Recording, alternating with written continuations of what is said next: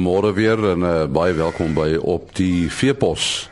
Ons gaan vanoggend gesels oor vetvee, uh spesifiek die beoordeling van vetvee. En dan praat ons met een van die manne wat die kouvoer monsters neem vir die kouvoer koning kompetisie. Ons uh, gesels nou met Jan de Jong. Nou Jan de Jong is die sekretaris van die Suid-Afrikaanse Vereniging van Vetvee Beoordelaars. Jan, ek dink ons moet sommer met die deur in die huis val en die vraag vra, wat presies is vetvee? Vetvee is enige vee wat nou eintlik uh, gevoer word, spesiaal gevoer word en ehm um, daarna vir die doel uh, geslag word vir vir menslike gebruik. Nou kry jy spesiale skoue vir vetvee. Ja, daar is inderdaad skoue vir vetvee. Ehm um, die mees belangrike is natuurlik eh uh, beeste. Ehm um, daar is ook 'n paar skaapskoue en dan word uh, word varke ook ehm uh, beoordeel, maar hulle word nie eintlik geskou nie. Nou as 'n mens beoordeling doen van vetvee, waarna kyk 'n mens presies? Uh, ek praat nou spesifiek van beeste. Waarna ons eintlik kyk uh, by die uh, die storie van uh, beoordeling. Ons kyk eerstens na die balans, dis baie baie belangrik. In ander woorde want jou karkas moet eintlik in balans wees en daar daarna na konfirmasie en voorkoms en ehm um, die artisaak meeste van die punte wat toe wat toegeken word deur SEMIC is eintlik vir die vetbedekking. So as daardie karkas nou op die haak hang, uh moet daardie karkas eintlik goed bedek word met vet van van die bokant tot die onderkant. Uh die artesak ons wat nou daardie beeste beoordeel, ons kyk na daardie beeste as nog op die hoof is. En daarna soos ek sê word hulle beoordeel deur die semik uh, die semik personeel.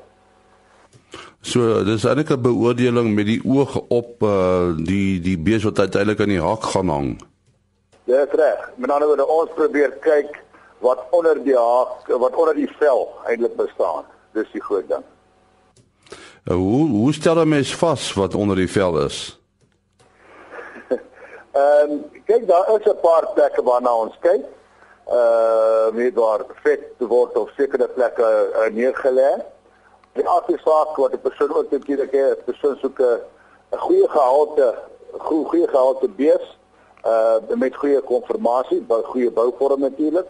Ehm um, en dan is dit ook uh, natuurlik 'n kwessie van ondervinding. Met ander woorde, 'n persoon sien sekere uh, tekens van uh, van kortvetheid of of van waarheid op die op die bees. Is daar 'n korrelasie tussen 'n uh, vetinhoud en en spierinhoud? Uh tot 'n mate, maar uit die aard van die saak 'n uh, bees en en dis ook uh, rasverbonde. Uh party rasse wat nou baie baie goed bestuurd is, is geneig om lagte uh vet meer te lê as van die ander Britse rasse wat nou uh, dalk bietjie minder spier dra, maar geneig is om bietjie vinniger vet te word. Daaroor daar is tot 'n mate 'n korrelasie tussen die twee faktore. So wat wil mense op die ou end hê? Uh net genoeg vet of uh, daarom 'n bietjie meer as net genoeg? Kyk, uh Ons beoordeel volgens die SEMIC standaarde. Uh, ons soek omtrent so 2 tot 2.5 3 mm vet oor die hele karkas van bo af uh, na ander onder toe, met ander woorde van die agterkant na die nekse kant toe. Ehm uh, en dit is baie baie belangrik, maar daardie karkas moet nog genoeg spiere toon. Andersins is dit net 'n uh, 'n uh, bees wat nou baie vet is en uh, sonder spiere daar hang. Uh, die die vetvee beoordelaarsvereniging. Waarom is hierdie vereniging gestig? Uh ons het daardie vereniging gestig uh om seker te maak dat die standaarde van vetvee beoordeling uh konsekwent is. By ander woorde, 'n persoon wat uh, sê maar op die uh, Jacaranda skou beoordeel, uh na dieselfde goed kyk as wat die man op uh, Vryburg of Jakkalskop of van die ander skoue, dat die gehalte van beoordeling op al die skoue uh konsekwent en uh dat almal daardie beeste in dieselfde oë kyk. Uh 'n stoetvee beoordelaar uh sou hy ook byvoorbeeld uh, uh vetvee beoordelaar kan wees. Dit is inderdaad so van ons mense ehm um, is inderdaad stoet ook stoetvee beoordelaars. Ek is een van hulle. Ehm um, en snaaks genoeg uh, dit help dit help eintlik om 'n uh, effektiewe boerdelaar te wees want dan weet 'n persoon ook natuurlik waarna 'n boer behoort te kyk as hy nou bulle uh, bulle uitsoek um, weet vir kommersiële doeleindes. Nou kan jy uh, bied julle kursusse aan? Ja, ons bied uh, kursusse aan. Ons het nou so 3 weke gelede kursusse aangebied. Dit was ons sewende kursus gewees. Ehm um, die kursusse is baie baie uh, populêr. Ons uh, ons het omtrent so 40 mense op 'n kursus en uh, tot dusver het ons daardie kursusse ehm um, in verskeie plekke in Suid-Afrika gehou. Ehm um, die enigste plek waar ons nog nie 'n kursus gehou nie was uh, is eintlik in die Oos-Kaap en die Wes-Kaap, maar meeste van die ander plekke het ons al kursusse gehou. Nou ja, as iemand vir so 'n kursus inskryf, moet hy enige kennis, enige agtergrondkennis hê. Uh dis altyd wenslik. Ehm um, weet want uh, ons praat dan van verskillende dele van die bees. Uh so as ons nou praat van die skof of die lende, dan behoort hy te weet waar is die skof en waar is die lende. Ehm um, maar die aardse saak ehm um, 'n persoon van met daardie drie dae is vreeslik baie leer. So gesels Jan de Jong dan. Jan is die sekretaris van die Suid-Afrikaanse Vereniging van Vetvee Beoordelaars. Ja, soos jy weet, is die kuilvoer koning kompetisie uh, in volle swang op die oomblik. En daar's 'n hele klompie manne uh, van uh, universiteite, verskeie universiteite wat help uh, om die monsters te neem van die verskillende uh kuilvoer bunkers en uh, hulle moet nogal baie rond beweeg. En ons gesels uh volgens met uh, Stefan Lou van die Universiteit van Pretoria oor uh, die uh die werk wat hulle doen. Uh, hoe neem mense 'n kuilvoer monster Stefan? Ehm, um, en dit is maar uh, ons gaan op die banker en dan uh, so omtrent 5 meter van die vuis van die banker af, ehm um, gaan ons die dwarste van die banker oor met 'n korer wat ons noem, dis 'n PVC pyp met ehm um, punte vooraan wat ons nou 'n uh, L-vormige gat in die seil sny. Ons druk dan die korer in en boor die eerste 10 cm. Daarna ehm um, kollekteer ons dit in 'n emmer in, ons weeg dit, dan gaan ons af na 20 cm toe. Ons kollekteer dit. Uh daarna gaan ons dieper 40 cm um, sampel dus neem. Dit gaan ook in 'n aparte emmer en ons weeg al die al die sampels word geweeg. Daarna skuif ons oor na 'n volgende gat toe waar daar weer 'n 10, 20 en 40 cm sampel geneem word. Ons ehm um, vir al drie gate gaan ons aan 'n pool sampel met ander woorde ons meng al die 10 cm sampels met mekaar. En dan meng ons ook al die 20 cm sampels met mekaar en al die 40 cm sampels met, mekaar. Die samples gaan dan ehm um, als geweeg word, word goed gemeng.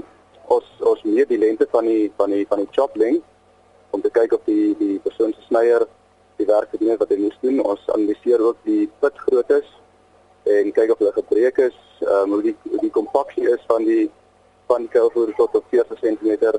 Dit is redelik uniform daar vanaf 100 so 40 cm is al wat nodig het. Daarna ehm um, waar die verskillende pool samples in sakkies geplaas in ziploc sakkies ons dan um, druk al die lug uit en dit word ehm um, gevries en dan word daai samples weggestuur na Feedfirst vir analises toe.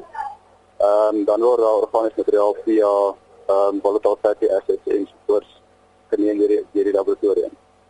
Ons gaan ook dan en neem 'n neem een aerobiese sampel en ons plaas die plaas van die kuilvoer van die 40 cm pool sampel in 'n in 'n emmer met gate in en dit sal dan nou die aerobiese analise wees wat ons oor 5 dae uithaal en kyk hoe die hoe die lug dit geaffekteer het. Dit gaan nou ook nou vir ons 'n um, redelike idee gee van hoe die inokulant wat hulle gebruik het werk in die kuilvoer. Nou die plek waar julle die monsters neem, julle kies dit self, nee, die boer sê sê nie vir julle wat julle moet doen nie.